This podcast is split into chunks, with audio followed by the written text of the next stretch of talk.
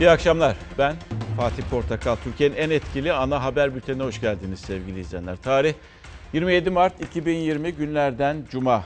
Tabela bu hafta, bu hafta değil, bu akşam, bu akşam dikkatle dinliyorum. Dikkatle dinliyorum. Neden? Çünkü saat 19.15'te yani 7'yi çeyrek geçe e, Sayın Sağlık Bakanı tekrar kameraların karşısında olacak ve e, bilim kurulu toplantısının sonrasında bilgiler paylaşacak. Belki yeni bilgiler kendisinden duyacağız. Belki e, bir yorum yapmayalım. En azından bir şeyler duyacağız kendisinden. Ne, ne dediklerine bakacağız. Saat 19.15'te ekran başında olmanızda fayda var. Çünkü en önemli isimden, Sağlık Bakanı'ndan e, koronavirüsüyle ilgili detayları alacaksınız. Amerika Birleşik Devletleri'ne gideceğiz. Çünkü Amerika e, koronavirüsünün yeni üssü oldu gibi görünüyor. E, ve e, olağanüstü durum yaşanıyor Amerika Birleşik Devletleri'nde. Dilge Timoçin Washington'dan karşımızda olacak. E, Dilge ile e, Washington'dan... E, Skype üzerinden paylaşacağız. Evinde artık hiç kimse Amerika'da doğru düz işe de gitmiyor. Orada yaşananları bize anlatacak. Ama önce biz bir e, bize bakalım. Bizde neler oluyor onlara bir e, detaylı bakalım. Dün itibariyle, dün gece itibariyle Sayın Bakan açıkladı. 3629 vaka var ve şöyle bir baktığımızda açıklamasına test sayısında bir artış var. 3629 vakaya karşı 75 vatandaşımız artık bunları veriyoruz ama vermek zorundayız. Ama insanlar hayatlarını kaybediyorlar. Onu da altını çizmek gerekiyor. 75 vatandaşımız hayatını kaybetti. %16 nedir diyorsunuz? %16 çok önemli. Test sayısına göre, dikkat ediniz buraya. Test sayısına göre pozitif çıkan vaka oranı. Yani test sayısı sanki arttıkça e, vaka olarak da pozitif çıkanların sayısı vaka sayısı da artıyor gibi. Onun detaylarına bakacağız. Çok ilginçtir.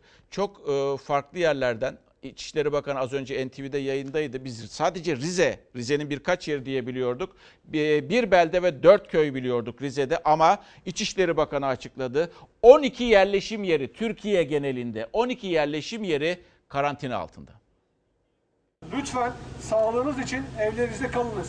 Varsa bir akraba, çoluk çocuk onlara çektirirseniz maaşınızı biraz kendimizi korumakta fayda var. İlk koronavirüs tanısının konulmasının ardından 17 günü geride bıraktı Türkiye. 26 Mart şimdiye kadarki en fazla yeni vakanın tespit edildiği, en fazla can kaybının yaşandığı gün olarak kayıtlara geçti. 16 kişi daha hayatını kaybetti. Koronavirüs yüzünden ölenlerin sayısı 75'e yükseldi. 50 Türk vatandaşı da yurt dışında hayatını kaybetti. Son bir gün içinde 1196 kişiye daha yeni tanı kondu. Toplam vaka sayısı bu hızlı artışla 3629'a fırladı. Test sayımız dün 5035'ti. Bugün 7286 olarak gerçekleşti. 1196 yeni tanı kondu. Hastalar ve temas çevreleri izole edildi. 16 hastamızı kaybettik. Bu sonuçlarla can kaybımız 75'e, hasta sayımız 3629'a ulaştı. Sizi ısrarla tedbirleri uygulamaya davet ediyorum. Maaşını çekiyoruz, e, eczaneden ilaçlarını alıyoruz, market alışverişini yapıyoruz. Hemen hemen biliyorum. Nerede? Gerçekten.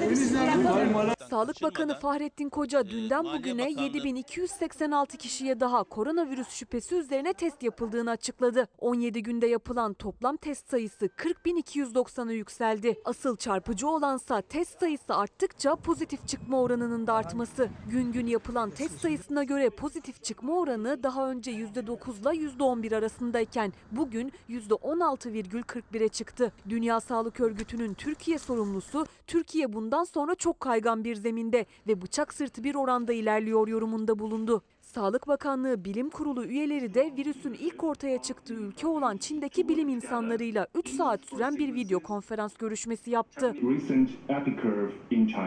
Very few or even no locally transmitted cases Türkiye'de ilk kez koronavirüs nedeniyle bölge karantinası haberi ise Rize'den geldi. Potansiyel koronavirüs vakalarının önüne geçebilmek için Kendirli Belediyesi başta olmak üzere 12 yerleşim yerine giriş çıkış yasaklandı. Şüpheli vakalar muhtarlar aracılığıyla bildirilecek, sağlık kontrolünden geçirilecek. Bölgede çok acil ihtiyaçlar dışında sokağa çıkılmayacak. 63 tavuksunuz fakat siz de risk grubundasınız. Spor dünyası da virüsün etkisi altında. Galatasaray'da Abdurrahim Albayrak, Fatih Terim ve bir yöneticiden sonra kulübün başkan yardımcısı da korona pozitif çıktı. Fenerbahçe basketbol takımında da yeni vaka sayısı arttı. Test yapılan 12 kişiden bir sporcu, bir teknik ekip ve iki idari ekip çalışanı olmak üzere toplam 4 kişide daha koronavirüs tespit edildi. Kesinlikle vatandaşa seçtirmiyor. Orada Poşete veriyoruz. koyacaksın, poşetle vereceksin. Koronavirüs salgınının yayılmasını engellemek amacıyla alınan tedbirlere ise her gün bir yenisi daha ekleniyor. İçişleri Bakanlığı 81 ilin valiliğine gönderdiği genelgeyle il, ilçe ve beldelerde kurulan pazar alanlarına yeni düzenlemeler getirdi. Bundan sonra sadece sebze, meyve, tahıl, bakliyat gibi gıda ürünlerinin ve temizlik malzemelerinin olduğu pazarlar açık kalacak. Pazardaki yoğunluğu ve insan temasını engellemek için tezgahların arasına 3 metre mesafe koyulacak. Seçmece ürün almak tezgahtan zaten yasak. Pazarcılar da hijyen kurallarına uyarak ürünleri poşetleyecek ve pazarlar saat 19'a kadar açık kalacak. Düzenleme bununla sınırlı değil. Sosyete pazarı olarak adlandırılan giyim, çanta, ayakkabı, süs eşyası gibi ürünlerin satıldığı pazarlar geçici süreyle kapatıldı. Diyanet İşleri Başkanlığı ise 2020 yılı hac ödeme, taksit ve işlemlerini ikinci bir duyuruya kadar erteledi. Turları iptal edilen umrecilerin ücretlerinin iade edileceği duyuruldu. Yani şimdi büyük şehirler İstanbul, Ankara, İzmir zaten onlar başlı başına e, önemli yerler. Ama diğer yerlerde Sayın Bakan bir isim vermedi İçişleri Bakanı 12 yerleşim yeri karantinada dedi. E şimdi böyle bir durum var. E diğer taraftan insanlar sokaklarda, insanlar pazarlarda. Dün işte size bir fotoğraf karesi getirdik. O fotoğraf karesi e, nakliyeciler sitesiydi. İnsanlar iç içe sadece o fotoğraf karesi değil sizler de görüyorsunuz. Bir sokağa çıkma yasağı sanki uygulanmalı uygulanması gerekiyor artık. Bir sokağa çıkma yasağının uygulanması gerektiğini düşünenlerdenim. Ben ki önümüzdeki 2-3 haftanın çok önemli olduğunu söylüyorlar. Ama e, şu ana kadar öyle bir izlenim yok iktidar tarafında veya e, Sağlık Bakanı'ndan veya bizi yönetenlerden. Şimdi hasta hastalığın belirtisi nedir diyorlardı. Semptomları belirtisi nedir diyorlardı. Bazen kendini göstermiyor bile. İşte Fenerbahçe'de 4 e, kişi e, basketbol şubesindeki 4 kişinde e, Covid-19 pozitif çıktı. Onlardan biri de İlker Üçer, Fenerbahçe Beko İletişim ve Medya Sorumlusu. Bakın bir bölüm var, onu okuyacağım size. Önemli bilgimiz olsun diye. Şöyle diyor İlker Bey, halsizlik, baş... Yok şuradan başlayayım. Ee, heh, ateşim hiç yükselmedi. Ateşim hiç yükselmedi. Yoğun öksürük, boğaz ağrısı ya da solunum sıkıntısı hiç yaşamadım. Ama bize de, dendi ki bu semptomlar olursa hastanelere başvurun diye. Ne var ki İlker Bey de bunların hiçbiri yaşanmamış. Bir kez daha okuyayım. Yani yoğun öksürük, ateşim hiç yükselmedi, yoğun öksürük yaşamadım, boğaz ağrısı yaşamadım, solunum sıkıntısı hiç yaşamadım diyor. Ama ama bir başka belirti de olabilir. Lütfen dikkat edin tekrar. Dikkatle dinleyiniz. Ee, koku tat ve koku almama ve çok hafif öksürüğüm vardı. Demek ki bunu da e, doktorlar söylüyordu. Yani çok e, tat ve koku alamama yaşayabilirsiniz diyorlardı. Lütfen aklınızın bir köşesinde bulunsun bu. E, hiçbirimiz hasta olmayalım ama e, bunu bilmekte de fayda var. Geldik dünyaya bakacağız. Dünyada da önemli gelişmeler var. Çünkü e, herkes bu hastalığa yakalanabilir. Bu virüsü alabilir. Mesela İngiltere Başbakanı işte bu beyefendi Boris Johnson ki ilk başlarda çok da önemsemedi.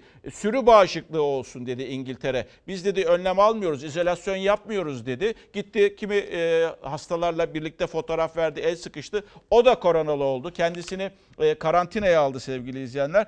Rusya, Rusya'da da Kremlin'de bazı kişilerde, görevlilerde koronavirüsüne ulaşıldı veya koronavirüsü bulundu, rastlandı. Koronavirüs hükümetleri tehdit etmeye başladı. İngiltere'de önce Başbakan Johnson, ardından Sağlık Bakanı virüse yakalandı. Salgın Kremlin sarayına da sıçradı. Putin'in ofisinde bir görevli de koronavirüs tespit edildi. İngiltere'de Johnson'ın ilk etapta önlem almak yerine tercih ettiği sürü bağışıklığı planı ters tepti. Hızla yayılan hastalık ilk olarak Kraliyet Sarayı'na şimdi de kabineye sıçradı. Prens Charles'ın ardından İngiltere Başbakanı Boris Johnson da koronavirüse yakalandı. Koronavirüsün hafif semptomlarını hissetmeye başladım. Ateşim yükseldi ve sürekli öksürüyorum. Yaptırdığım test pozitif çıktı. Johnson kısa süre önce hastalığın insanlarla tokalaşmasına engel olamayacağını söylemiş, Sonra da hastanede ziyaret ettiği korona hastalarıyla tokalaştığını açıklamıştı. Bugün virüs testinin pozitif çıktığını söyleyen Başbakan Johnson 55 yaşında ve risk grubunda kabul ediliyor. Johnson'dan hemen sonra Sağlık Bakanı Hancock da virüse yakalandığını duyurdu. Ölü sayısının 759'u bulduğu İngiltere'de aktif vaka sayısı ise 15 bine yaklaştı. Koronavirüs Rusya'da Kremlin sarayında da ortaya çıktı. Bir çalışanda Covid-19 tespit edilirken sözcü Peskov hasta kişinin daha önce Putin'le temas etmediğini söyledi. Rusya'da koronavirüs sebebiyle şu ana kadar 3 kişi hayatını kaybetti. Ülkedeki toplam vaka sayısı ise 1036'ya ulaştı. Tahliye uçuşları hariç tüm uçuşlar durdu.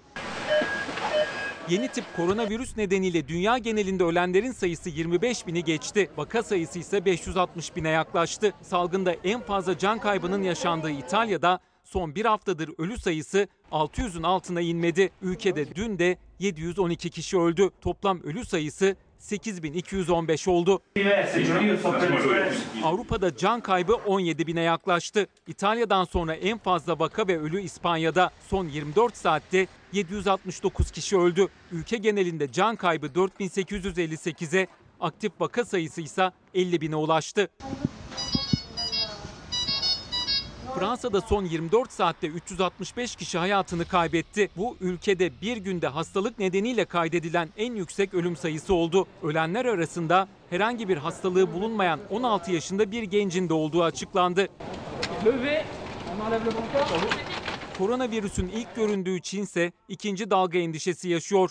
Hayatın yavaş yavaş normale döndüğü ülkede hükümet yabancıların ülkeye girişini geçici olarak yasakladı. Dilgete maçına gideceğiz birazdan. Amerika'da neler yaşanıyor ona bakacağız. Ama bir haberi izleyeceğiz önce. Haberi izlettireceğiz. Çünkü şu şöyle deniyor artık Amerika Birleşik Devletleri için. Koronavirüsünün merkez üssü oldu.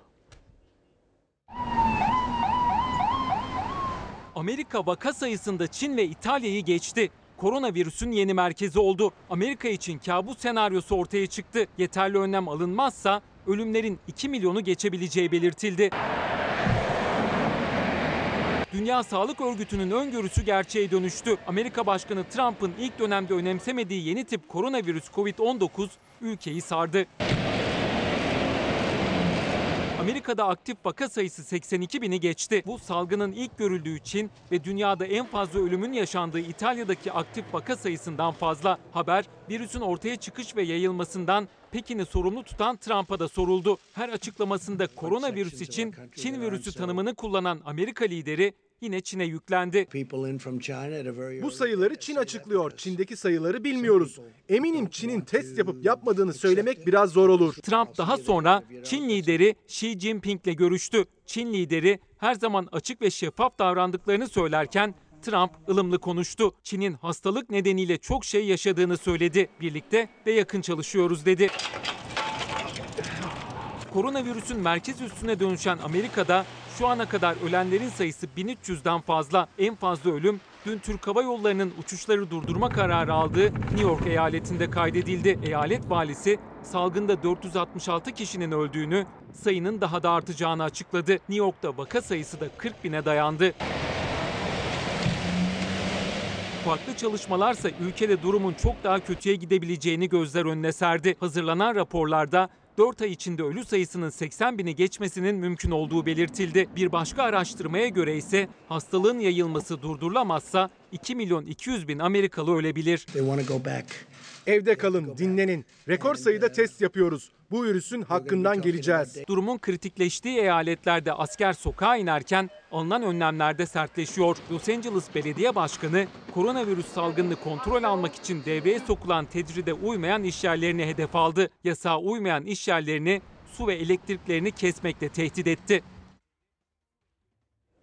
Dilge Tümaç'ın karşımızda. Seni gördüğüme çok sevindim Dilge. Ee, çok da iyi görünüyorsun. Neredesin şu anda?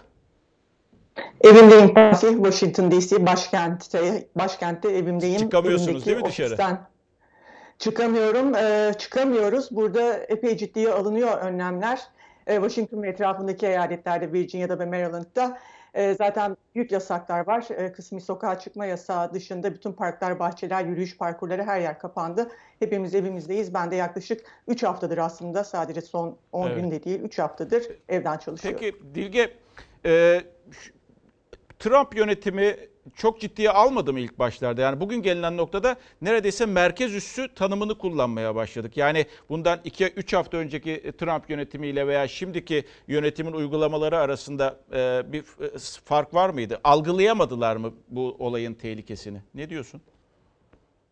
Sadece Trump yönetimi değil aslında dünya da algılayamadı en başta baktığınızda. Trump hatta açıklamalar yaptı. Mevsimsel grip daha fazla can alıyor diye ki doğru 18 bin kişi öldü Amerika'da bu yıl grip vakalarında.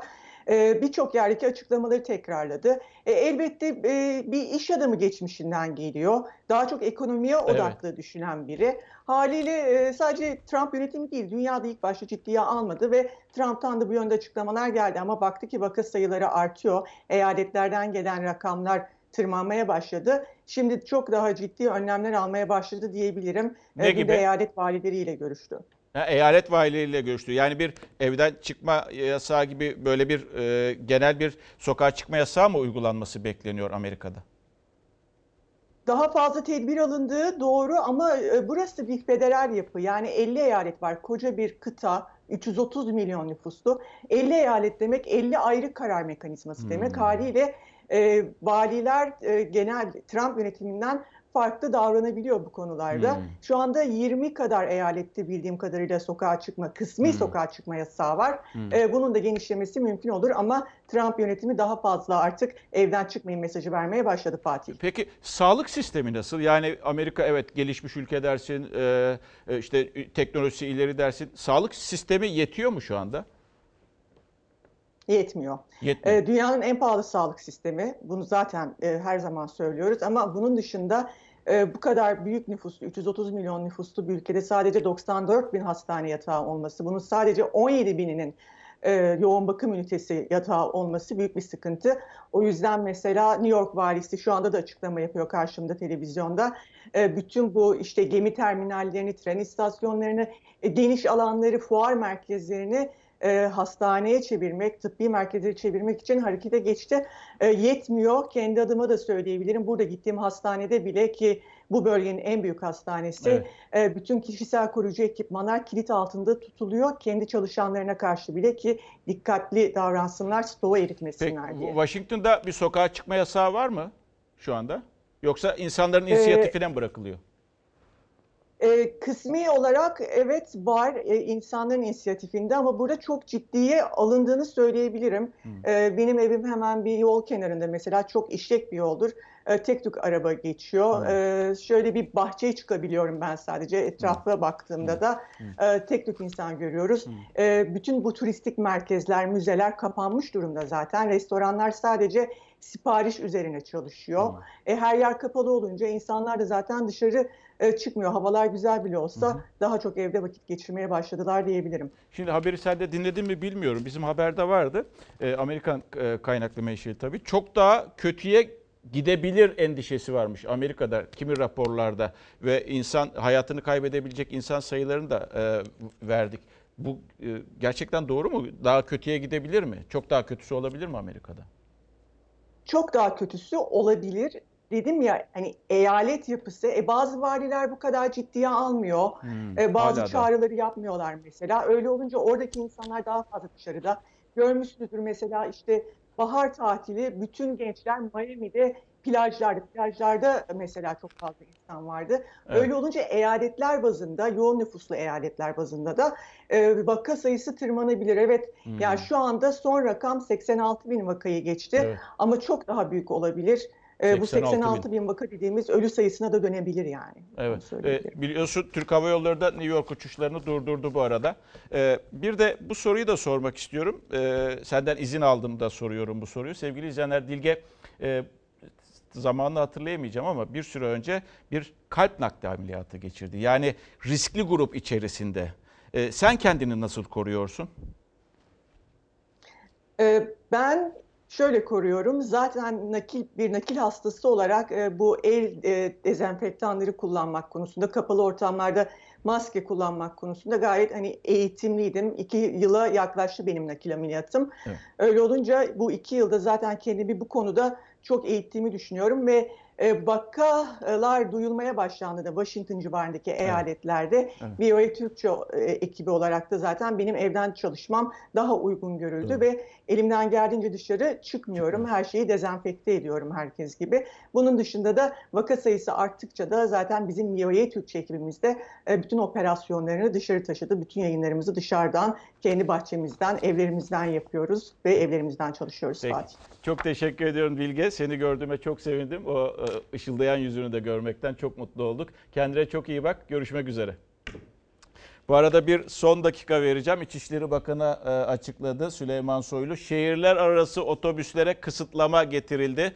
E, Bu akşamki genelgeyle şehirler e, arası seyahatler kısıtlanacak mücbir bir sebep olmadığı müddetçe e, şehirler arasında seyahat edilemeyecek. Yani anlam bu anlamı çıkartmak gerekiyor. Kısıtlama nedir? Mücbir bir sebep olmadıktan sonra şehirler arasında seyahat edilemeyecek. Bu da ayrı bir önlem. E, tabii bakın ya bu önlemler yeterli mi? Görüyoruz ki yeterli değil. Peki o soruyu soruyorum. İşte neden e, mecburi olarak insanları evde oturmaya e, yöneltecek bir kararı almıyorsunuz diye. Ha yavaş yavaş alıyorsunuz ama bakıyoruz vaka sayısı artıyor. İnsanların sosyal izolasyon diyorsunuz. O izolasyonlara çok fazla uyulmuyor. Fotoğraflar e, götür e, ekrana getiriyoruz. Bir sorun var demek ki. Ama tek tek böyle e, kararlar alınarak belki e, önümüzde oluşabilecek o kötü senaryoya zemin hazırlanıyor. Oluşabilecek kötü senaryoya bir zemin e, oluşturuyor gibi.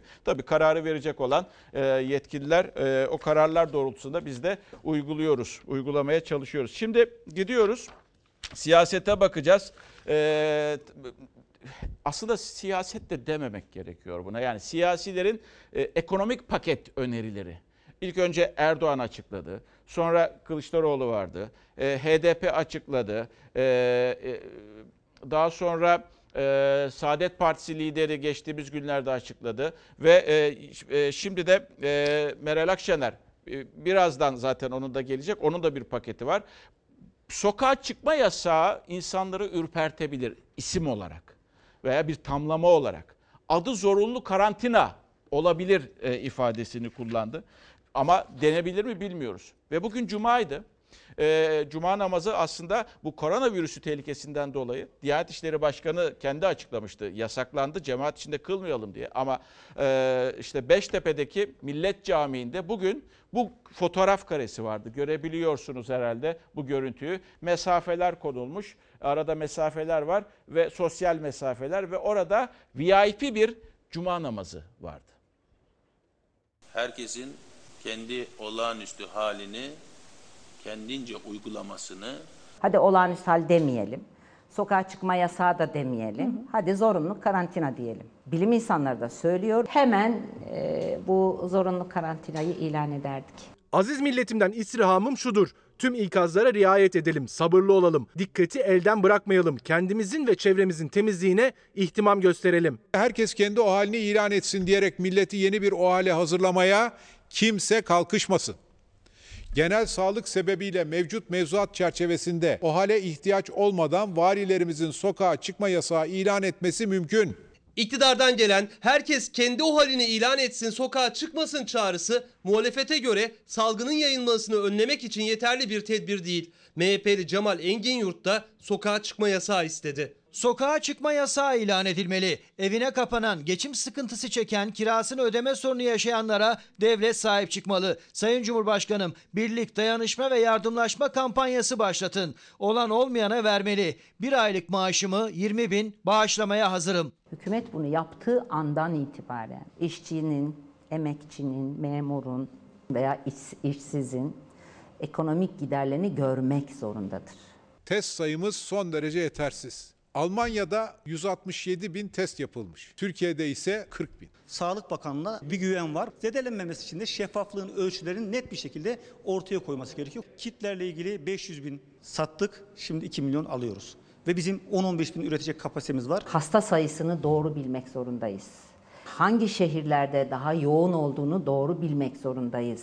Koronavirüsle mücadelede alınan tedbirler kadar uygulama noktasında da iktidarla muhalefet karşı karşıya. Cumhurbaşkanının bakanlarla yaptığı telekonferans toplantıları da Akşener'in gündemindeydi. Enerji Bakanı'nın bor madeninden dezenfektan ürettik sözüne Erdoğan'ın yanıtı. Benim vereceğim talimat şu olurdu. Hemen bunun seri üretimine geçin bedava dağıtın. Öncelik sıralaması. Mani mani mani. Gerçekten şu söylediğiniz dezenfektan hakikaten bu işi gördüğüne göre çok ciddi bir reklam kampanyasına girip şu dezenfektanla bu açığı kapayalım. Ne açı?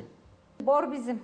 Dezenfektan üretilmesi güzel bir şey. Hemen bunun seri üretimine geçin bedava dağıtın. Koronavirüs hızla yayılırken Beştepe'de Cumhurbaşkanlığı Külliyesi'ndeki Millet Camii'nde Türkiye genelinde diğer camilerden farklı olarak cemaatle cuma namazı kılındı. Maskelerle ve saflar arasına mesafe konularak. Esselamu aleyküm ve rahmetullah. Oysa geçen hafta Cuma günü 16 Mart'ta Diyanet yasaklamıştı cemaatle namaz kılmayı. Aynı Diyanet bu hafta Beştepe'deki cami için çağrı yaptı. Diyanet İşleri Başkanlığı tarafından belirlenen çok az sayıda katılımla ve salgına karşı gerekli tedbirler alınarak cuma namazı eda edilecektir. Protokol cemaatle namaz kılmış. Siz millete yapma dediğinizi sarayda yapacaksınız. Yazıktır, ayıptır, günahtır.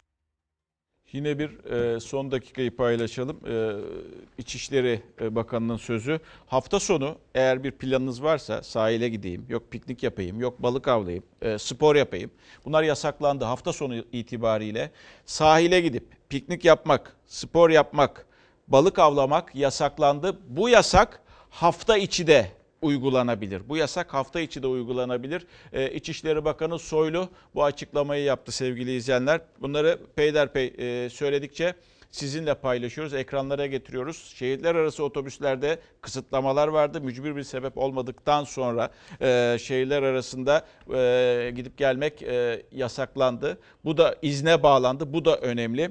Yani bu adımları atıyoruz. İyi atıyoruz da peki tamam bunu neden genele yaymıyoruz? Yani tek bir adımda halletmiyoruz. Mutlaka bir bildikleri var ki ondan böyle yapıyorlar. Ama işin ciddiyeti açısından insanların birbirine bulaşmaması, o izolasyonu sağlayabilmek açısından katı olmak gerekiyor bu konuda. Bu konuda sağlık insan sağlığı çünkü söz konusu son dakika mı nedir? Ha tamam yasak hafta içi uygulanabilir. Biz devam edeceğiz yine. İşte şimdi ekonomisine bakacağız. Ee, her her lider bir e, paket açıklayacak tabii. Açıklıyordu ama önce e, TÜSİAD bu patronlar e, kulübü iş dünyası ne diyor? İşte daha sıkı önlemler alınmalı dedi sağlık açısından. E, e, korona virüsünün yayılmaması açısından. Diğer taraftan İyi Parti lideri de o da bir öneride bulundu. Tıpkı e, Temel Karamollaoğlu gibi veya Kılıçdaroğlu gibi veya HDP gibi kişi başı kişi başı 500 TL vermelisiniz dedi her ay insanlara.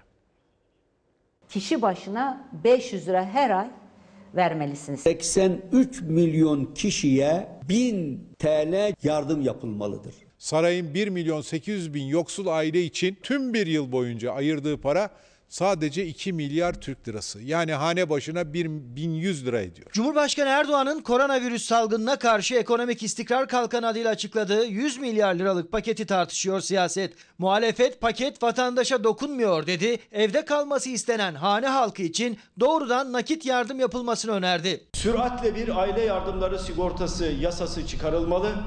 Her yoksul aileye asgari 2000 liralık gelir güvencesi sağlanmalı. Kişi başına 500 lira.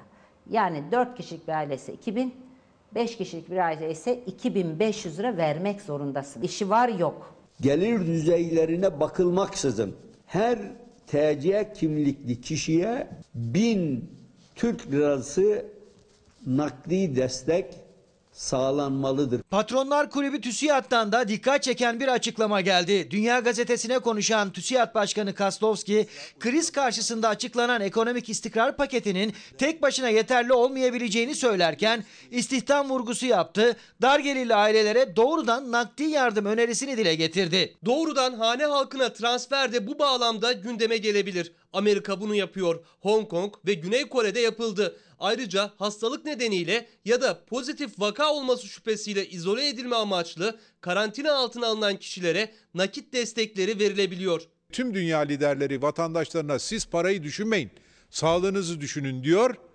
Bizdeki iktidar vatandaşlarımız değil ama bir avuç yandaşın cebini doldurmayı düşünüyor. Müşteri garantisi verilmiş yollar, havaalanları, tünellerimiz var. Hadi bakalım bu arkadaşlar çok kazandı. Onlar birazcık fedakarlık etsin.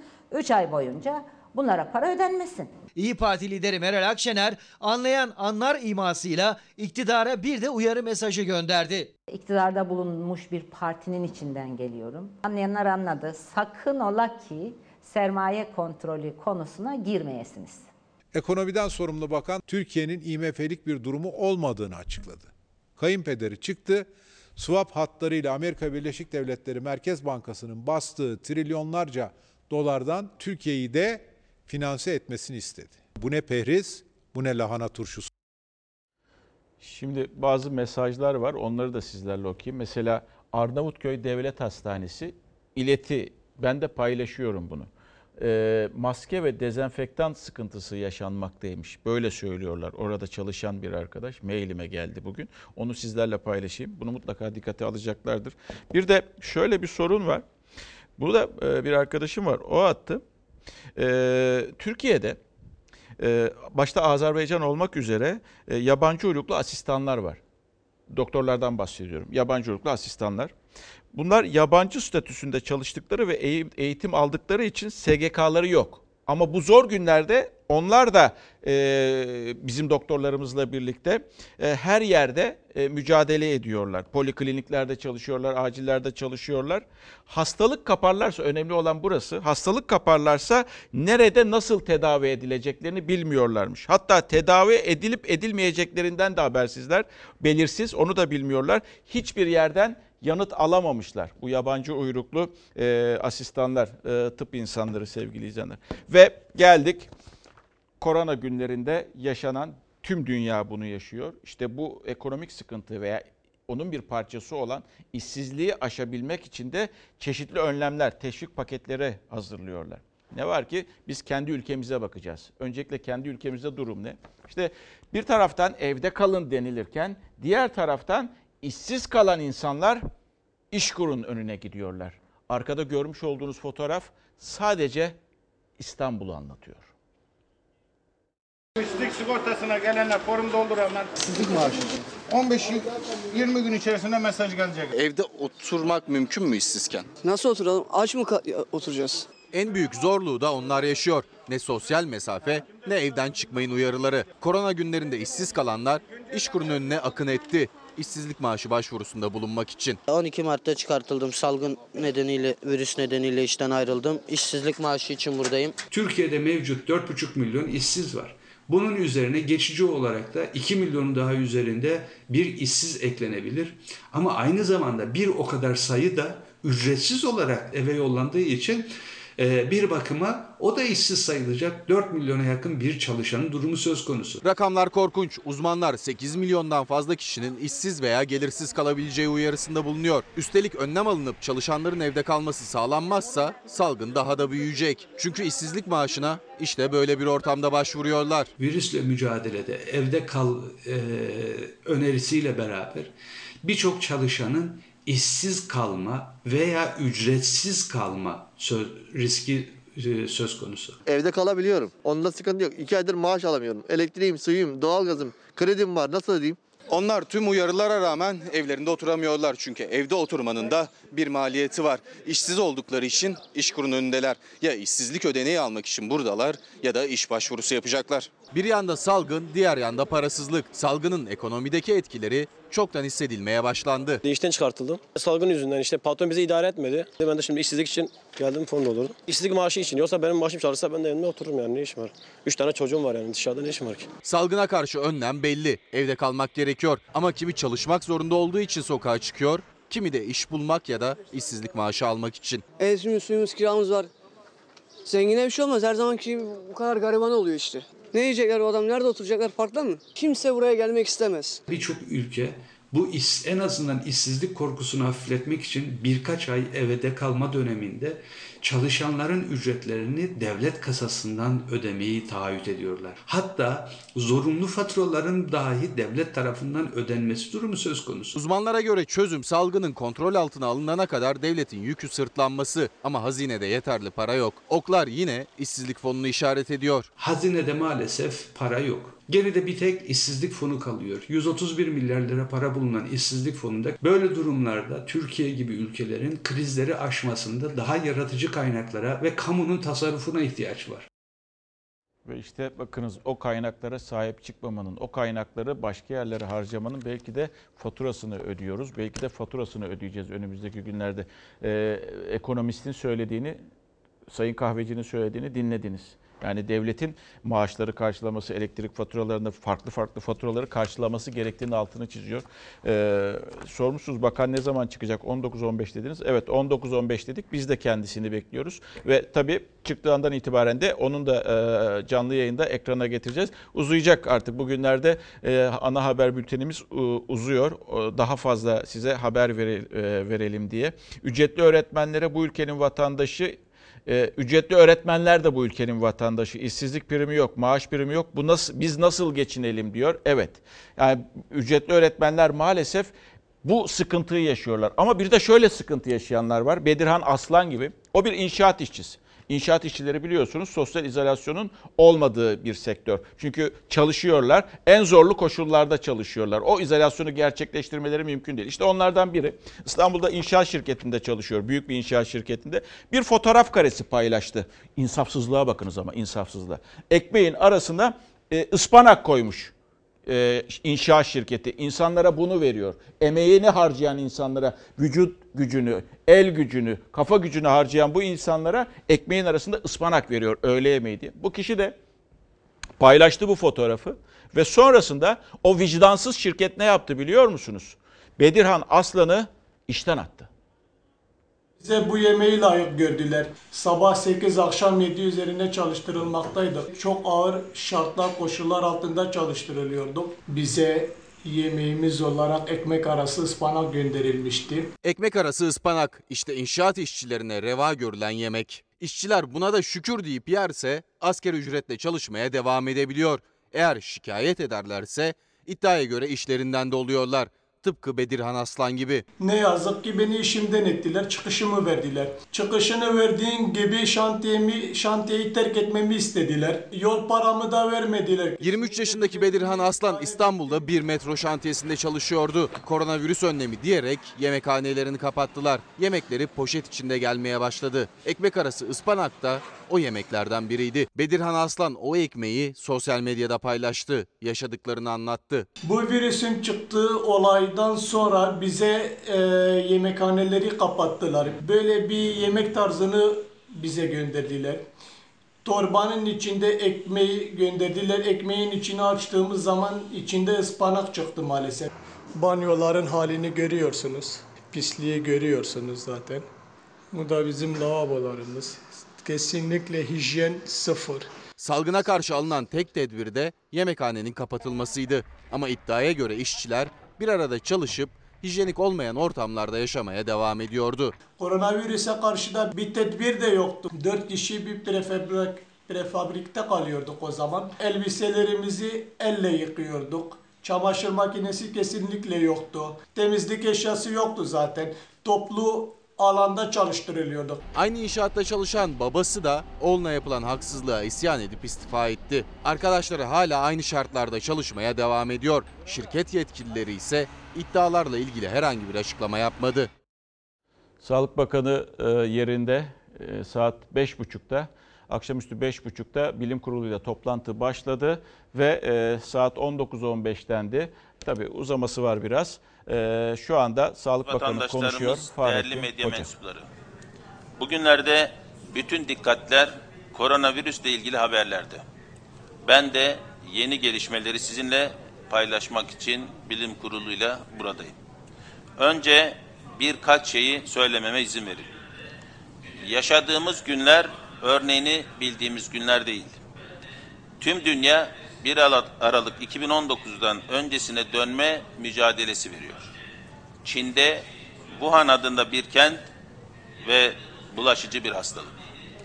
Bir süre bunu duydunuz. Sonra bunu koronavirüs kelimesi izledi. Ardından ölüm, salgın, ülke isimleri geldi. 10 Mart'tan bu yana Türkiye'de hayat değişti. Kayıp sayısının binlerle ifade edildiği, hasta sayısının 90 bine yaşlı, yaklaştığı ülkeler var. Asla onlarla aynı durumda değiliz.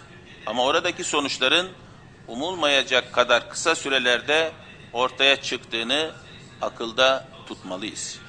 Türkiye insanını korumak için elinden gelen her şeyi yaptı. Küresel soruna karşı ulusal mücadelesini verme yolunu seçti. Yurttaşını dışarıdan gelecek tehdide karşı koruyacak sıkı tedbirleri aldı. Bugün şartlar çok farklı. Önceki tedbirler şimdi sadece bir avantaj. Daha fazlası değil. Dünya virüsün henüz ortaya çıkmadığı güne artık dönemez. Biz de 10 Mart'tan öncesine dönemeyiz. Önümüzdeki günler istesek de istemesek de kesinlikle farklı olacak. Bu hastalık bütün dünyada hayatı değiştirecek bir yayılma kabil, kabiliyetine sahip. Bu tehlikeden uzak durmanın bir yolu yok mu? Elbette var. Hayat tarzımızda geçici bir değişikliğe gitmek. Bu bir bulaşıcı hastalık. En çok sosyal ortamda bulaşıyor. Temas kesildiğinde virüsün önü kesiliyor. Tedbirler aslında basit. Fakat görünen o ki tedbirlerin uygulanmasını kolaylaştıracak şartlar son derece önemli. Hastalığın yayılmasını engelleyecek şartları sağlamak ve onlara uymak zorundayız. Bugün bilim kurulumuzla bugün bilim kurulumuzla belki de en önemli toplantımızı yaptık. Hastalığın yayılmasına karşı daha ileri tedbirlere ihtiyacımız olduğunu gördük. Dünyada başarı göstermiş yöntemleri değerlendirdik. Bilim kurulumuzla ortaya koyduğumuz yaklaşım şu olmuştur. En önemli tedbir olan izolasyonu hastalığın yayılmasına karşı prensip haline getirelim. Yani hastalığı bulunduğu sınırlar içinde tecrit edelim. Bu yaklaşımın anlamı şu. Sosyal hareketlilik en alt düzeye inmelidir. Sosyal hayat buna göre düzenlenmelidir. İnsanlar birbiriyle mümkün olduğu kadar az karşılaşmalıdır. Bunun içinde çalışma saatleri, çalışma günleri, tatiller düzene konmalıdır. Bilim kurulumuz bazı kapalı ortamlarda temas mesafesinin ne tür kurallara bağlanması gerektiğine dek önerilerde bulunmaktadır. En önemli konu sokakta geçirilecek zamana kısıt getirilmesi konusudur. Bu yöndeki öneri en önemli başlıklardan biri olmuştur. Sosyal hareketliliği ve te teması azaltarak toplum yaşamının yeni bir düzene kavuşması gerekir. Bu bilim kurulumuzun önerisindeki amaç virüsün yayılımını önlemek, virüsü olduğu yerde kontrol altına almak. Yani bizim teması en aza indirecek bir hayata ihtiyacımız var. Bunun için hareketliliği olabildiğince azaltmak. Yayılmaya karşı bu prensip şu önemli noktaya dek varıyor. Virüsün şehirden şehre taşınmasına set çekmek. Bu yaklaşım belki şehirlerin izole edilmesi gibi düşünülebilir. Özetleyecek olursam bilim kurulunun 83 milyon için önerdiği tedbir belli bir süreliğine belli sınırlar konmuş bir hayattır. Geçici bir hayat tarzıdır.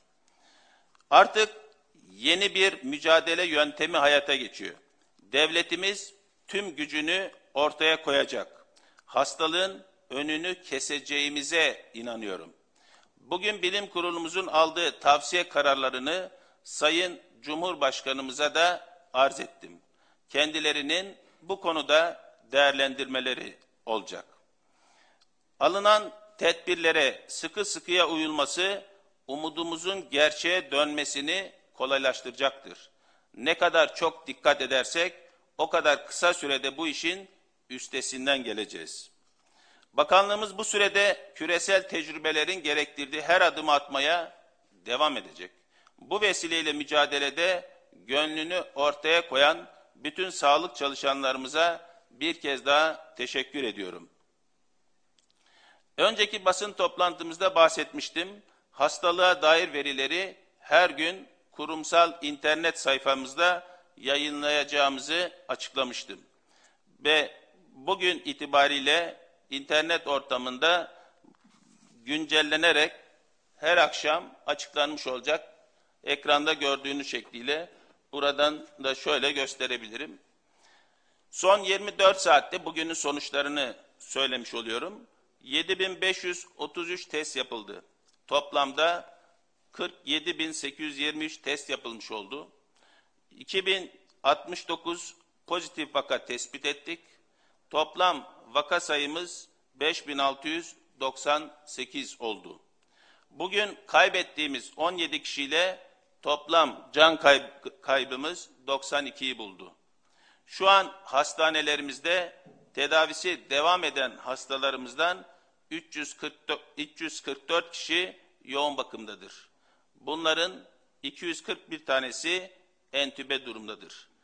42 hastamız ise iyileşerek taburcu edilmiştir. Buradan da şöyle bir grafiği de ayrıca göstermek istiyorum. Şu an internet sayfamızda bu veriler yayınlanmış durumda. Bundan sonra her gün bu verileri oradan takip edebilirsiniz. Aziz milletimizi bilgilendirmeye devam edeceğiz. Teşekkür ediyorum.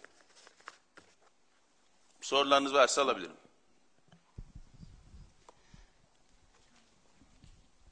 Efendim Yeni Akit Komiteri Ankara muhabiri Taha Emre Özdemir. Ee, şimdi biraz önce söylediniz tavsiye niteliğinde kararlarımızı Sayın Cumhurbaşkanı'na ilettik diye.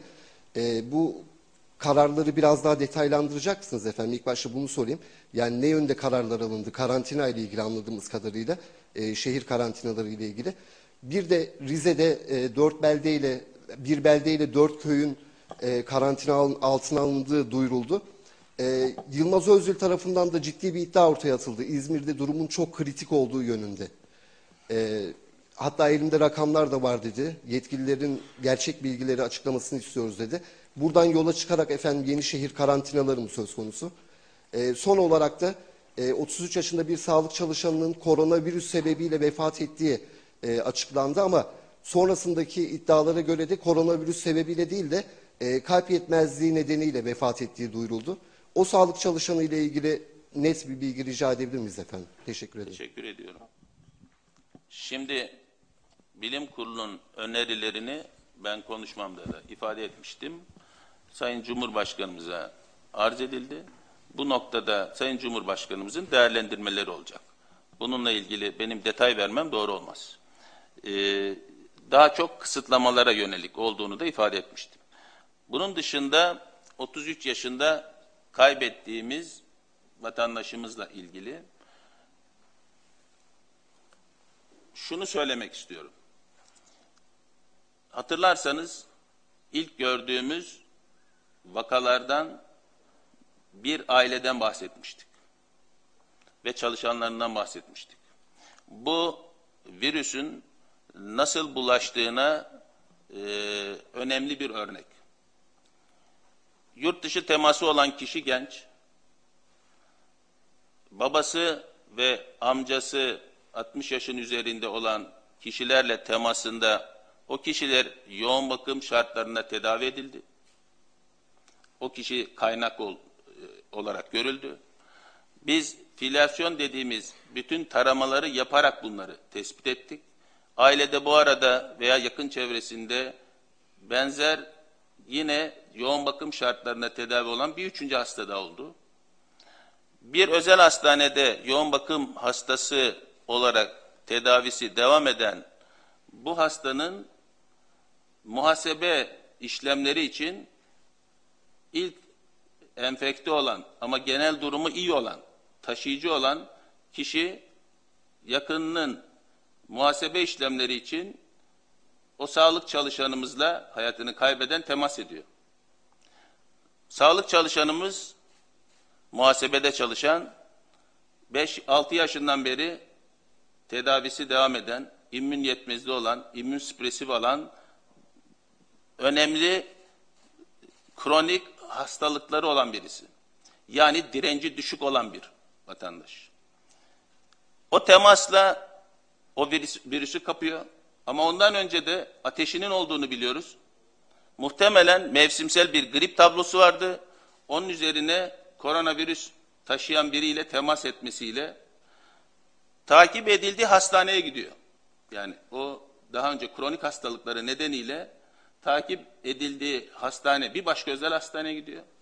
Orada bir 58-59 yaşında bir kişiyle temas ediyor. O kişi yoğun bakıma girmiş oldu ve o kişiyi de kaybettik. Bu bulaştırıcılığı yapan kişi hayatta. Herhangi bir yoğun bakım sorunu da olmadı. Herhangi bir tedavisi de olmadı. Yani o virüsü taşıyan kişi immün direnci düşük olan, yaşlı veya kronik hastalığı olan kişilerle temas ettiğinde önemli ciddi sonuçlarla karşı karşıya kalabiliyoruz. O nedenle o kişinin temas ve temas ettiği kişilerin erken dönemde izola, izolasyonunu çok önemsiyoruz. Temasın ne kadar önemli olduğunu önlemenin özellikle bu bulaşıcılıkta son derece önemli olduğunu bir örnek olduğu için bu kadar detaylı anlattım. Onun için diyoruz ki herkes kendisini virüsü taşıyormuş gibi düşünerek davranıyor olmalı. Temasını ona göre sağlıyor olmalı. Mümkün mertebe bu dönemde evde kendimizi izole ederek bu dönemi geçirelim istiyoruz. Çünkü herhangi ciddi bir klinik bulgunuz veya hastalık bulgunuz olmayabilir. Hafif geçiriyor olabilirsiniz ki gençlerde genelde böyle görülüyor. Ama immün yetmezliği olan, kronik hastalığı olan gençler için de kötü sonuçların olduğunu görmüş oluyoruz. Ve bir başka kişinin hayatına biz sebep olmuş oluyoruz. Hayatının kaybedilmesine. Onun için herkesin bu noktada son derece kendisini izole ederek bir geçici yaşam dönemi e, sağlamasının e, çok önemli olduğunu bu örnekle de görmüş oluyoruz. Evet. Şöyle söyleyeyim, biz bütün illerde ne kadar vaka olduğunu biliyoruz. Özellikle bazı illerimizde bu vaka sayılarının fazla olduğunu biliyoruz. Zaten bu çerçevede bilim kurulunun bir takım önerileri oldu. Bununla ilgili de alınabilecek bir tedbir varsa zaten devlet gereğini yapar. Sayın Cumhurbaşkanımız da bu anlamdaki değerlendirme sonrası gerekli açıklamayı yapar. Evet. Sayın Bakan, Yıldız Yazıcıoğlu VOA muhabir efendim. E, efendim bugün sosyal medyada oldukça da e, tepkiyle karşılanan bir tablo söz konusuydu. E, bir şahıs şirketi üzerinden, e, Murat Sancak isimli bir şahıs şirketi üzerinden test satın aldığını ve aile içi deneme yaptıklarını açıkladı. Bu görüntülerde daha önce Instagram'a düşmüştü. E, testler efendim bu şekilde sağlık kuruluşları dışındaki şirketler ve şahıslara ulaşılabilir durumda mıdır? E, bu testlerin satışı söz konusu mudur? Bu şahısla ilgili bir işlem yapılması konusunda İçişleri Bakanlığı'yla ve ilgili bakanlıklarla, Ticaret Bakanlığı'yla temasınız olmuş mudur? Birinci sorum bu. İkinci sorum, efendim e, Türkiye'de şu anda mevcut üretim kapasitesiyle ilgili çeşitli açıklamalarınız olmuştu daha önce ama mevcut kullanılabilir 81 ile gönderilmiş test sayısı tam olarak nedir? E, farklı illerde özellikle İstanbul bir metropol olduğu için e, burada testlere ulaşılamadığı iddiaları vardır. Sizin vatandaşlara tavsiyeniz ne olur? Teşekkürler. Böyle, ben de teşekkür ediyorum. Şimdi geçen toplantıda da bahsetmiştim. Biz testlerle ilgili özellikle hiçbir vatandaşımızın ücret vererek testleri yaptırmaması gerektiğini ve bu testlerin hangi laboratuvarlarda çalışılması gerektiğinin iznini de bakanlık olarak veriyoruz. Niye? Demin bahsettiğim şekliyle eğer pozitif bir vaka tespit edilebilirse bulaşıcı hastalıkta salgın durumunda o hastanın temas ettiği kişileri bizim kişilere bizim bir an önce ulaşmamız gerekiyor. Dolayısıyla herkesin bulunduğu yerde izin almadan bakılan hastayı bize bildirmeden test yapılabilirliği dünyada da istenen bir şey değil ve yapılması zaten doğru görülen bir şey değil. O nedenle biz şu dönemde sadece kamu değil, üniversite hastanelerimiz ve PCR çalışabilir her laboratuvarı izin vererek bu dönemde olan ihtiyacı gidermek üzere bir gayret içinde olduk. Şahısların veya özel bir kuruluşun kendi başına dışarıdan veya içeriden kit alarak bunu test ediyor olması, numuneleri test ediyor olması asla kabul ettiğimiz bir durum değil. Bunun için gereken yapılmış olur. Ayrıca testlerle ilgili her geçen gün talebin arttığını biliyoruz. Ve daha önce de ifade etmiştim. Normalde moleküler dediğimiz PCR testi var. Bu PCR testini şu an üniversitelerimiz dahil olmak üzere birçok merkezde yapılabilir hale gelmiş oldu. Ayrıca bu PCR yöntemiyle 60 ile 75 dakika arası sonuç veren ama 2-2,5 saat ekstraksiyon dediğimiz hazırlık safhası var. Yani bir testi siz 3,5-4 saatten önce sonuçlandırmanız mümkün değil. Bununla ilgili Çin'den ekstraksiyon safhasının olmadığı yeni bir kit geliştirildi. Daha önce olmayan. Bununla ilgili biz bu kiti de Türkiye'ye getirmiş olduk. Son 3 gündür bu kit de çalışabilir olan laboratuvarlara verilmiş oldu. Yani testin süresini o 3,5-4 saatlik zaman dilimini 60 ile 75 dakika arasına çeken PCR yöntemi de bu dönemde çalışan laboratuvarlara verildi. Toplam bizim aldığımız PCR yöntemiyle çalışan kit 350 bin. Bizim ayrıca 3,5-4 saat ortalamayla ekstraksiyonla olan zaten elimizde 1 milyona yakın kitimiz var. Dolayısıyla bunu çalışabilecek olan herkese yetecek kadar kitimiz var. Ama biz hem merkez sayısını arttırmak hem de bir taraftan bu süreyi kısaltmak üzere her türlü e, yapılabilecek olan e, yaklaşımı özellikle devreye sokma çabası içindeyiz. Şu an rakamlardan da görüyorsunuz 7-8 binlere ulaşan bir test sayısı oldu. Önümüzdeki günlerde bu test sayısı 15-20 binlere kadar tarama testiyle birlikte çıkmış olacak.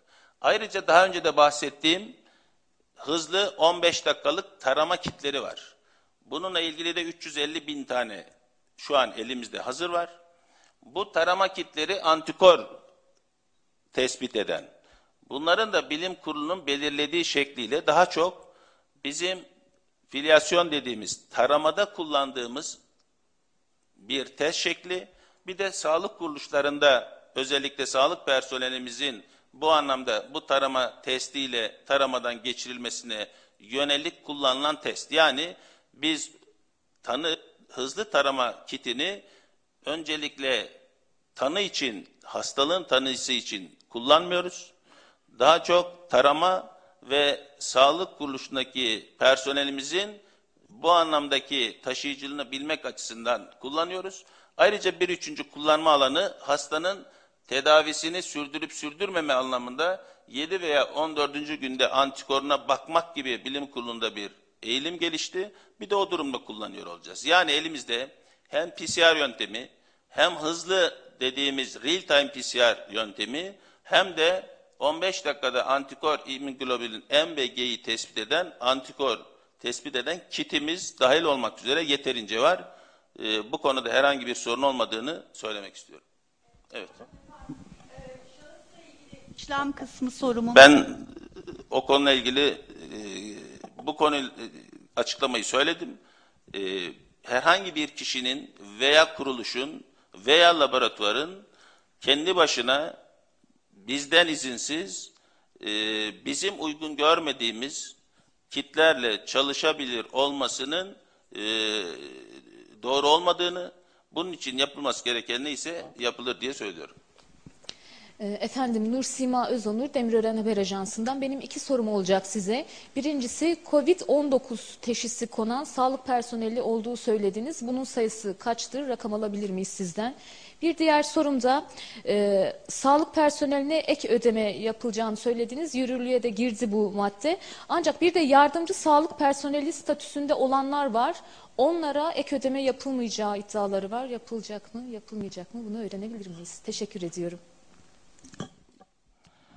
Şimdi e, sağlık personelimizin, çalışanlarımızın e, özellikle çok riskli olan e, hekimlerimizin ve personelimizin e, bu dönemde e, COVID-19 tanısı aldığı oldu. Ve sayılarının da e, şu an söylememin doğru olmadığını ama özellikle personelimizi, çalışanlarımızı korumak anlamında her türlü tedbiri alma noktasında bir gayret içinde olduğumuzu ifade etmek istiyorum. Maske noktasında, malzeme noktasında herhangi bir eksikliği oluşturmamak noktasında bir gayret içindeyiz. Sadece iki gün önce N95 dediğimiz hekimlerin ve her hekimin değil, bu konuda çok riskli olan hekimlerimizin e, kullandığı bir maske 3 milyon 615 bin tane iki gün önce bütün kurumlarımıza dağıtıldı. Yani bu oranın ne kadar büyük bir oran olduğunu dikkatlerinize sunuyorum. Dolayısıyla bu dönemde biz sağlık çalışanlarımızın ihtiyacını karşılama noktasında hiçbir şeyden taviz vermeyeceğiz. Ee, bu dönemde tedavileri içinde üzerimize düşeni yapma noktasında hassasiyet gösteriyoruz. Ee, çünkü sağlık personelimiz çok özverili, çok fedakar bu dönemde bir gayret içerisinde. Bütün kuruluşlarda izinler iptal edildi. Sağlık çalışanlarımızın izinlerini de biz bu anlamda iptal etmemiş olduk. Ee, o nedenle hassasiyetle e, ve personelimizi, çalışanımızı, hekimlerimizi korumak noktasında her türlü tedbir, tedbir almak noktasında bir gayret içindeyiz. Sayılarını şimdilik vermiyorum. Ee, ek ödeme ile ilgili sağlık çalışanlarımızın bu dönemde tavandan devam edilmesi şeklinde e, bir yaklaşım oldu. Bu zaten yürürlüğe de girmiş oldu. Genelgeyle de bu yayınlanmış oldu. E, bunun dışındaki tedbirlerle ilgili şu an bir şey söylemem e, doğru değil. Evet. E, Yardımcı sağlık personeli statüsündeki e, sağlık Süreçte süreçte onlar da değerlendirilir ama şu an sağlık personelimizle ilgili yürürlüğe girmiş oldu. İlter Evet. Yeşiltaş efendim A Haber televizyonu. Efendim Buyurun. Sayın Cumhurbaşkanı'na bilim kurulu üyelerinin e, bilim kurulunun tavsiyelerini ilettiğinizi ifade etmiştiniz. E, Sayın Cumhurbaşkanı bugün bu tavsiyeler doğrultusunda bir e, açıklama yapacak mı efendim? Bir bilgi paylaşabilir misiniz bizimle? Kendi Teşekkür- takdirleri, değerlendirmeleri e, olacaktır ama e, ne zaman olduğu konusunda net bir şey söylemem doğru olmaz. Evet. Anadolu Ajansı Duygu Yener. Efendim spor camiasında da pozitif vakaların çıktığını görüyoruz. Bu konudaki e, açıklamanız, bilginiz ne yönde olur? Spor camiasında da bu anlamda pozitif olan vakaların sayısı az değil. Ee, şunu söylemek istiyorum. Eğer bu dönemde biz temas ve izolasyonu olması gereken şekliyle hassasiyet göstererek sağlamaz olur, sağlayamazsak birçok camiada birçok e, vatandaşımızın bu e, e, enfeksiyonu taşıması mümkün hale gelmiş olur. Toplu bir arada yaşamın yani bir kişide spor camiasında görülmüş olması temas ettiği birçok kişide onun olması anlamına geliyor. Bu toplumun bütün kesimleri için geçerli. O nedenle temas diyoruz, temas diyoruz, temas diyoruz. Ve lütfen kendimizi izole edelim diyoruz. Ve herkes bu dönemde evde kendisini izole etme noktasında bir gayret ve hassasiyet içinde olmalı. Ancak o şekilde başarılı olabiliriz. Sayın Evet. Bakanım, Edip Üzen, Memurlar Net.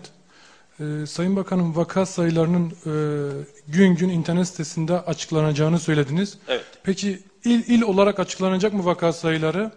Ee, bir diğer sorum, sosyal izolasyon sağlanamadığı için mi bugün bilim kurulunuz farklı önerilerde bulundu Cumhurbaşkanımıza? Şimdi biz virüsü yeni tanıyoruz. Ve virüsün ülkemizdeki seyrini de izlemiş oluyoruz.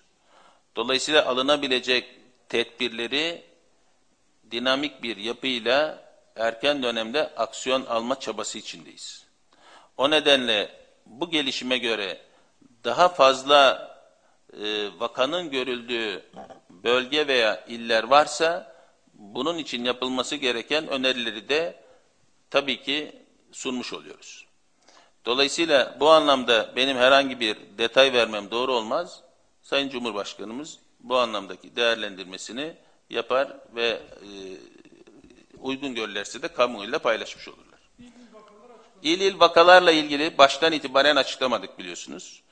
Onu açıklamamaktaki sebebimizi biraz tahmin ediyor olmalısınız.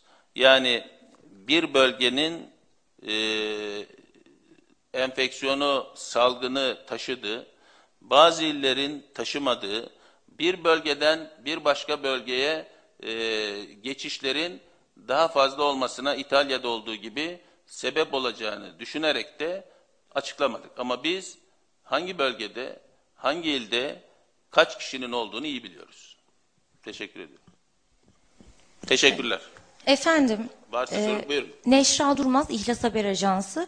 E, bir önceki açıklamanızda Çin'den ilaç getirildiğini ve hastalara uygulanmaya başladığını söylemiştiniz. E, bu hastalarda bir gelişme gözlendi mi? İlk sonuçlar neler oldu? Teşekkürler. Daha erken bir dönem olduğunu demin bilim kurulunda da konuştuk. Önümüzdeki günler e, değerlendirmek açısından e, daha uygun olabileceği e, noktasında genel bir kanaatimiz var. Zaten paylaşmış oluruz. Ee, Sayın Bakan, e, Meltem Özgenç Hürriyet Gazetesi. Efendim, e, Umre'den gelemeyen 350 kişi olduğunu biliyoruz. E, bunların bir kısmının e, koronavirüse yakalandıklarını da biliyoruz.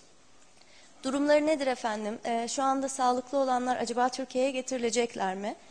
E, ikinci sorumda e, solunum cihazlarının yeterli olduğunu söylemiştiniz. Hatta Nisan sonuna kadar 5000 e, toplamda 5000 solunum cihazı olacaktı. Fakat vaka sayıları gün be gün artıyor. Bugün yeterli midir efendim solunum cihazları? Şu an yoğun bakımlarımızda bir sorunumuzun olmadığını, yüzde 62-63 oranda dol, doluluğun olduğunu biliyoruz. Ee, yerli üretim içinde geçen toplantıda söylemiştim. Yerli üretim içinde Nisan sonu Mayıs 15'inde en geç teslim edilmek üzere de bir çalışmamız oldu biliyorsunuz. Ee, Umre'de olan 350 362 kişi hatta e, bununla ilgili bir çalışma yapılıyor. E, o çalışmanın durumuna göre zaten ne yapacağımız belli olursa size, sizlere de açıklamış oluruz. Evet. Efendim Fatma Nur Boylu Habertürk Televizyonu. Ee, Çin'den e, ithal kitler getirilmişti ancak bazı uzmanlar bu kitlerin hata payının yüksek olduğunu bu yüzden ikinci ve üçüncü sevkiyatların yapılmayacağı yönünde bir açıklama yaptı. Bu doğru mudur? İkincisi de e, özel sektör çalışanları için siz temennilerinizi söylemiştiniz ancak hala insanlar kalabalık ortamlarda beraber çalışabiliyorlar. Böyle görüntüler sosyal medyaya düşüyor. Onlarla ilgili bir e, daha ciddi bir işlem yapılacak mı? Teşekkürler. Teşekkür ediyorum. Şimdi kitlerle ilgili ben demin biraz geniş bir e, izahatta bulunmuştum. Bahsedilen, hatta bununla ilgili biliyorsunuz bakanlık olarak bir açıklamada da bulunmuştuk. Biz Çin'den getirilen ilk örnek kit antijen kitiydi. Ve deneme amaçlı getirilen ve bizim o dönemde hasta için asla kullanmadığımız tanıda ama deneme amaçlı olarak sonucun e, değerlendirildiği kitlerdi. Onun devamını biz getirmedik, memnun kalmadık. Süreçte bilim kurulu antikorun daha önemli olduğunu ifade ettiler. Devamında bizim getirdiğimiz antikor kitiydi. İlk kit değildi, antijen değildi. Yani bizim şu an 350 bin olarak getirdiğimiz ve kullandığımız hızlı tarama kiti, antikor kiti, o bahsedilen antijen kiti değil, onu baştan e, deneme amaçlı getirildi ama hasta için kullanılmadığını da söylemek istiyorum. Evet. Efendim Fox Özel, özel sektörle ilgili de e, kamuda olduğu gibi e, eğer bu anlamda vardiya usulüyle ilgili bir e, yaklaşım tarzı olursa bilim kurulunun önerilerinden bir tanesiydi. E, bunun da e, uygun olabileceğini düşünüyoruz. Önerilerden bir tanesiydi. Evet.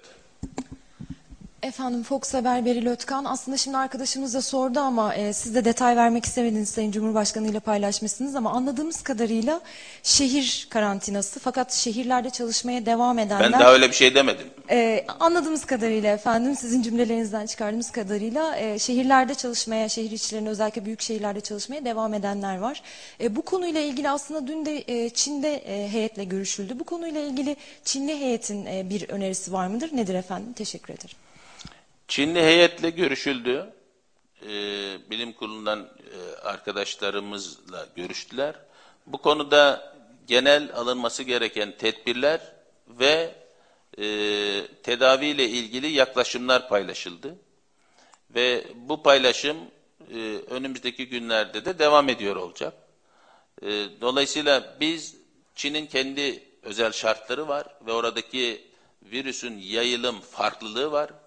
Bizim Türkiye olarak kendimize e, has, kendi e, Türkiye'de bu enfeksiyonun bir seyri var.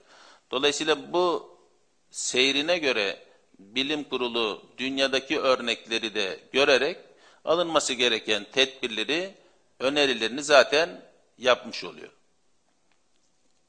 Bizim bu anlamdaki bugün önerilerimizde sadece Çin değil, birçok ülkedeki uygulama ve Türkiye'deki bu salgının geldiği seyri değerlendirme ile ortaya çıkan öneriler. Evet. Teşekkür ediyorum. Sağlık Bakanı konuştu, önemli açıklamalar yaptı sevgili izleyenler ve en önemli toplantı dedi. Ee, en önemli toplantıyı bilim kuruluyla en önemli toplantıyı gerçekleştirdik dedi.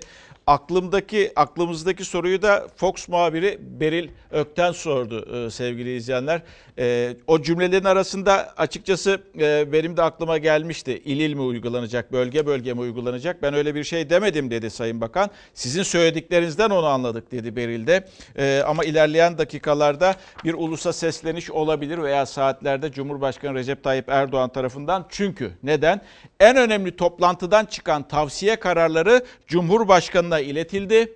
Kararı o verecek dendi. Ama şunu dememe lütfen izin veriniz. Benim anladığım şeffaflığını hala da koruyan bir Sağlık Bakanımız var. Ve bilim kurulu ile birlikte kendi düşüncesi zannedersem bir e, bu izolasyon üzerinde çok duruyor sosyal izolasyon diyor. Bunu yapmalıyız diyor, uygulamalıyız diyor, temas kesilmeli diyor. Bunu diyen kişi mutlaka zorunlu bir ev hapsinin veya ev yasağının uygulanması gerektiğini düşünüyor diye ben e, aklımdan geçiyor ki Cumhurbaşkanı'na iletilen o tavsiye kararları içerisinde bunun olacağını düşünüyorum. Bir ülke geneli mi diye soracak olursanız ben de Beril'in anladığı gibi anladım. Sanki bölge bölge sanki il il uygulanacakmış gibi. Bunun bir destekçisi de e, İçişleri Bakanlığı'nın genelgesi yaklaşık bir yarım saat önce İçişleri Bakanlığı bir açıklama yaptı. Şehirler arası otobüslere kısıtlama getirdiğini, e, izne bağlı olduğunu bildirdi. İçişleri Bakanlığı'nın son genelgesi buydu. Şehirler arası seyahatler kısıtla, e, kısıtlanacak dendi ki onlardan hareketle de böyle bir karar yani şehir şehir veya bölge bölge bir izolasyon veya bir sokağa çıkma yasağı veya bir karantina söz konusu olabilir. Tablo arkada. Bugünün tablosu güncellenmiş bilgileri paylaştı bizlerle. Tablo çok e, iyimser değil açıkçası. Zaten yüzünden de onu anlıyorsunuz. Sözlerinden de Sağlık Bakanı onu anlıyorsunuz. Toplam vaka sayısı 5900 özür dilerim 5698. Hayatını kaybedenlerin sayısı 92 ki e, dün itibariyle 3629 vaka vardı. Dikkat ediniz 3629'dan test sayısı çoğaldıysa, çoğaldıkça vaka sayısı da artıyor. 5698'e yükseldi. Dün kaybettiğimiz yurttaş sayısı 75'ti. Bugün itibariyle e, şu an itibariyle Sağlık Bakanı açıkladı 17 e, vatandaş hayatını kaybetti 92'ye yükseldi. Önümüzdeki günlerde dedi 15-20 bini bulacak günlük test. E, peki ilk bir de tablo paylaştı. Bu tablo da çok çok önemli. İşte grafik burada. İlk günden itibaren 10 Mart'ta ilk vatan ilk vakanın çıktığı gündü. Unutmayınız. Hatırlatıyorum tekrar. İşte 10 Mart'tan itibaren grafik bu şekilde hızlı bir yükseliş. Yani bu önümüzdeki günlerde bunun e, artarak sanki devam edeceğini e, gösteriyordu. Bakın işte olay bu şekilde. Yani o tavsiye kararı büyük bir ihtimalle Cumhurbaşkanı'nın şu anda önünde olan o tavsiye kararı e, acil bir şekilde bu sosyal izolasyonun ve temasın tamamen kesilmesi yönünde bir tavsiye olduğunu ben düşünüyorum. Benimle birlikte birçok insan da bunu düşünüyor zannedersem. Bir de bakın önemli bir cümle sizin de dikkatinizi çekmiş olabilir. O cümlede yoğun bakımda e, yoğun bakımda doluluk oranı şu an için %62 %63'lerde dedi Sağlık Bakanı. Bunların hepsi bize e, Cumhurbaşkanı'nın ilerleyen saatlerde bir ulusal sesleniş yapabileceğini gösteriyor. Tabii son kararı Sağlık Bakanı dedi, son karar dedi Cumhurbaşkanı verecek. Biz tavsiyelerimizi ilettik. Merakla şimdi o tavsiyelerin neler olduğunu duymakta e, sıra onda ne, nasıl bir karar çıkacağını da bize ilerleyen saatler gösterecek sevgili izleyenler. Bu arada e, e, biz haberlere devam edelim. Şimdi Tarım Bakanı'nın bir e, cümlesi var. Bu önemli biliyorsunuz e, insanlar bir şekilde depolama yapıyorlar evlerde. Bunlar içerisinde etler de var. Etlerin fiyatına bir baktık %13, %14 zamlanı verdi. Bugün e, kasaplara gittiğinizde, marketlere gittiğinizde et reyonlarında görüyorsunuz. Gönü e, bizleri rahatlatan bir açıklamaydı. Depolarımız et dolu dedi e, Tarım Bakanı. Ankara Büyükşehir'den bir ses yükseldi ve bir çağrı vardı Tarım Bakanı'na. Bugün itibariyle Et Süt Kurumu'nun depoları ağzına kadar et dolu. Tarım ve Ormancılık Bakanı Sayın Bekir Pakdemirli'ye de çağrıda bulunmak istiyorum. Bedava değil ama belediyelere ucuz miktara verdiği takdirde biz bunu değerlendirerek dağıtmak istiyoruz. Tarım Bakanı gıda tedarikinde sıkıntı yok depolar et dolu dedi. Bakanı duyan Ankara Büyükşehir Belediye Başkanı harekete geçti. Bize satın biz de halka dağıtalım çağrısıyla. Et ithalatını biz sıfırladık. Yani 2019 yılında 5000 tondur. Türkiye 1 milyon ton yiyor. Daha önceden ithal edilmiş ve et balık kurumunun stoklarında bulunan 60 bin ton civarındaki eti biz bunu dağıtmak istiyoruz. Ankara Büyükşehir Belediye Başkanı Mansur Yavaş korona önlemleri çerçevesinde halka doğrudan ulaşmak için atılan adımları duyurdu. 150 bin aileye yardım yapıldığını, korona günlerinde sayıyı artıracaklarını açıkladı. 500 bin aileye yetecek kadar gıda stokımızla hazır bulunuyoruz. Tarım Bakanı Bekir Pakdemirli'nin et stokları ile ilgili açıklamasından sonra Mansur Yavaş bu kez de et için düğmeye bastı. Komşusu açken tok yatan bizden değildir. Tarım ve Ormancılık Bakanı Sayın Bekir Pakdemirli'ye de çağrıda bulunmak istiyorum. Bedava değil ama ucuz miktara verdiği takdirde biz bunu değerlendirerek dağıtmak istiyoruz. Sadece gıda konusu değil, sağlık çalışanları için de Ankara Büyükşehir Belediyesi'nden adım üstüne adım geldi. Önce Hacettepe'de görev yapan sağlık çalışanları için 100 kişilik yurt kiralandı. Hacettepe'deki sağlık çalışanları için yurda ulaşmakta çok kolay. Sadece birkaç dakikalık yürüme mesafesinde. Sağlık çalışanları için dezenfekte edilmiş odalar 2 kişilik ama yataklar yerleştirilirken sosyal mesafeye dikkat edilmiş. En önemlisi de her odada kendisine ait bir tuvalet Espanhol, eu acho. Bilkent Şehir Hastanesi önüne ise konteynerler hazırlandı. Ekipler altyapı çalışmalarına hızlıca başladılar. Bir haftada yapılması planlanan konteynerler ilk etapta birer kişilik odalarda 40 kişilik olacak. Ondan sonraki haftaysa bir 20 kişilik oda daha yapılacak. Amaç koronayla mücadelenin ön saflarındaki sağlık görevlilerinin imkanlarının rahatlatılması ve izolasyonları. Mansur Yavaş bir duyuruda virüsle mücadele günlerinde işini ve gelirini kaybedenlere yaptı. Gıda ve nakit desteği için hazırlıkların tamamlandığını hafta başında detayları açıklayacağını söyledi. Ankara e, karantinanın uygulanacağı bir yer olabilir mi? Bak sadece afaki Sağlık Bakanı'nın cümlelerinden hareketle gidiyorum. Beril'in o sorusu üzerine il il, bölge bölge olabilir mi? Olabilir çünkü büyük şehirden bahsediyoruz. Bir büyük şehirden bahsediyoruz. Bir diğer büyük şehir İstanbul. Çok çok önemli bir yer. 16 milyonun olduğu bir yer. Ve sokaklara çıktığınızda, etrafı dolaştığınızda sosyal izolasyonun olup olmadığına siz karar verin. Var mı? olduğunu söyleyemezsiniz veya istenilen seviyede olduğunu söyleyemezsiniz. İstanbul Büyükşehir Belediyesi'nin de çabaları var. Salgının yayılma hızının artması ihtimaline karşı bazı mekanlarımızı da geçici karantina mekanı ve sahra hastanesi olarak teknik altyapı çalışması yaparak belirledik. Salgınla mücadele sona erene kadar Yeni Kapı İstanbul'un yardımlaşma ve koordinasyon merkezi oldu. Dün itibariyle Sağlık Bakanlığımıza bildirdik. Görev verilirse derhal gereğini yerine getireceğiz. Büyük mitinglerin adresi olan Yeni Kapı alanı koronavirüsle mücadele için de kullanılabilecek. İhtiyaç halinde 3 büyük noktada Sahra Hastanesi kurmak için altyapı çalışmaları tamamlandı. Avrupa yakasında Yeni Kapı miting alanıyla Gürpınar Ali, Anadolu yakasında ise Maltepe miting alanı belirlendi. İstanbul Büyükşehir Belediye Başkanı İmamoğlu şu anda kullanılmayan önemli bir adres için de merkezi yönetime seslendi. Hava, kara ve metro ile ulaşılabileceği en merkezi noktada bulunan ve pek çok boş kapalı mekana sahip olan Atatürk Havalimanı'nın da hızla geçici hastaneye dönüştürülmesi kesinlikle düşünülmelidir. Bu zamana kadar Türkiye'nin önemli mitinglerine ev sahipliği yapan Yeni Kapı'daki bu alanda tüm çalışmalar tamamlandı. Toplam 9000 metrekarelik bu alan dev demir perdelerle 3 bölüme ayrılabiliyor ve her bir bölümün giriş çıkışı da ayrı. Kendi içinde ısıtma ve soğutma sistemi de var. Bugün ihtiyaç halinde 2 gün içerisinde 1000 yatak kapasiteli dev bir Sahra Hastanesi oluşturulabiliyor.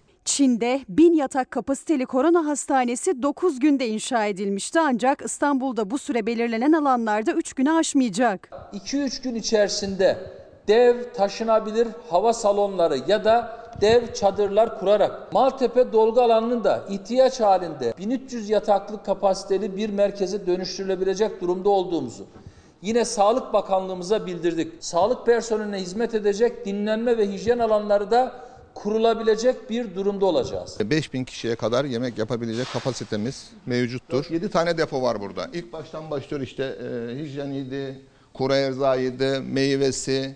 Bunun haricinde burada peynir, daha sonra et bölümü. Kaç ton gıdayı burada tutabiliyorsunuz?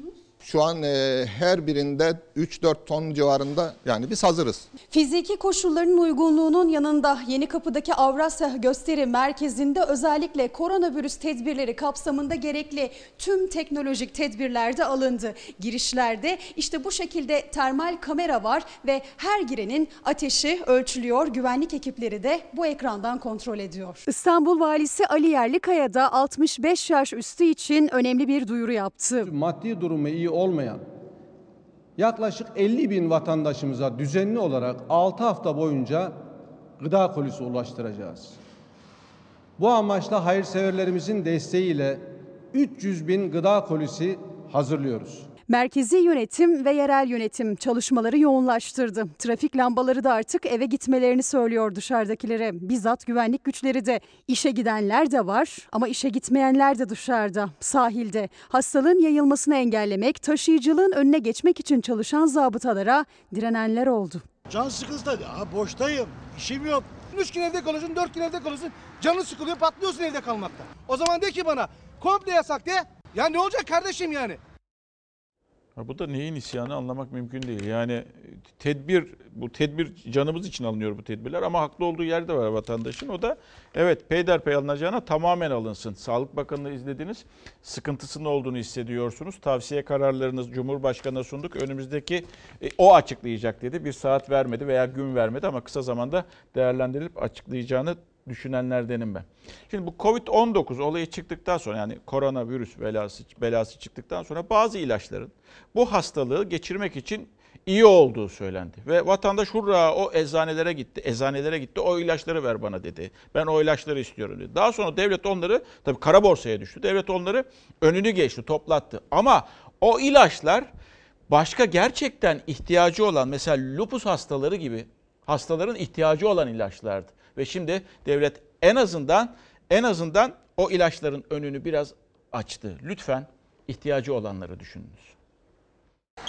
Sürekli kullandığım ilacı şu anda çıkan haberlerden dolayı bulamıyorum. Bakanlık mesela ilk anda bütün satışlarını blokladı. Dolayısıyla hiç kimse o anda ilacı hiç kimseye veremedi, işlem yapamadı. İlaç eczanelerde rafta diğer ilaçlar gibi değil şu anda. Çünkü özel bir yeri var, özel bir kullanımı var. O ilaca stok yapılmasın diye devlet el koydu ama bu kez de bağışıklık sistemi hastalığı olarak da bilinen lupus hastaları ilaca ulaşamadı. Covid-19 hastalarının tedavisinde işe yaradığı düşünülen o ilaç kontrollü olarak dağıtılıyor şimdi. Özel hastaneden reçeteyle alan hastalarsa hiç ulaşamadığı için isyan etmişti sosyal medyada. Sağlık Bakanlığı o sesleri duydu, adım attı. Lupus hastaları artık eczaneye gelip hemen ilacını alamıyor. Devletin o reçeteye onay vermesi gerekiyor. Reçeteyi getirdiği anda alamıyor.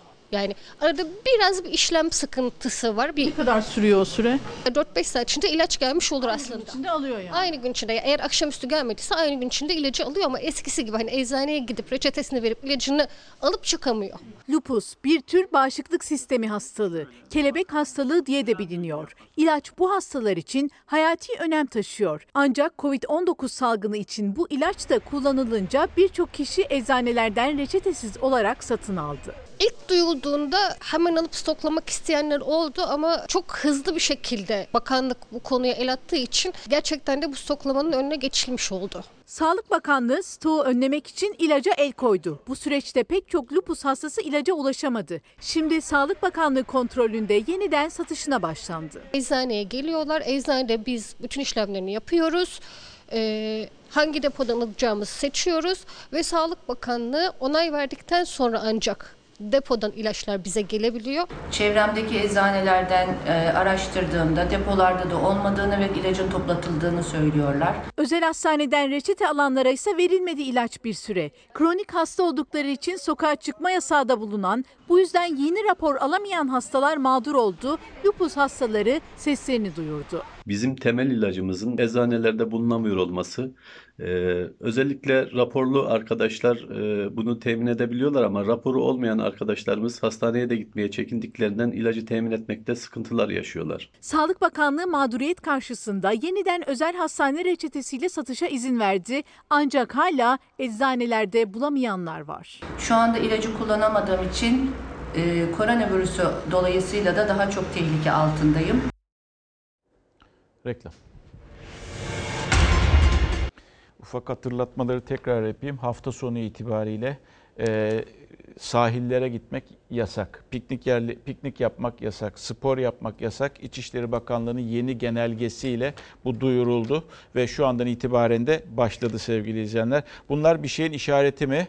İşareti gibi görünüyor. Sağlık Bakanı dinlediğinizde e, kendisi ifade etmiyor ama bir e, zorunlu evde oturmanın olması gerektiğini e, ni anlıyorsunuz cümlelerinden. Hafta sonu geldi. Lütfen e, uyunuz bu tedbirlere. Uyumak zorundayız. Evde kalalım. Çıkmayalım. Kendi kurallarımızı uygulayalım. Ee, yine önü, e, önümüzdeki saatlerde belki Cumhur belki değil Cumhurbaşkanı bir ulusa sesleniş yapacaktır diye düşünüyorum. Neden? Çünkü tavsiye kurulu, e, özür dilerim, bilim kurulu Cumhurbaşkanı'na tavsiyelerde bulundu ve o tavsiyelerde şu anda Cumhurbaşkanı Recep Tayyip Erdoğan'ın önünde vereceği karar çok çok önemli. E, toplum sağlığı açısından, birey sağlığı açısından. İyi hafta sonu diliyorum sizlere. Evimizde kalalım. Başka hiçbir yere gitmeyelim. Oturalım, oturalım, oturalım. Bizden hemen sonra Türk filmi var. İkinci Şans filmin ismi izleyebilirsiniz. Yarın daha mutlu, daha huzurlu, daha güvenli bir dünya ve tabii ki Türkiye'de buluşmak umuduyla. Hoşçakalın. bir başkadır benim memleketim.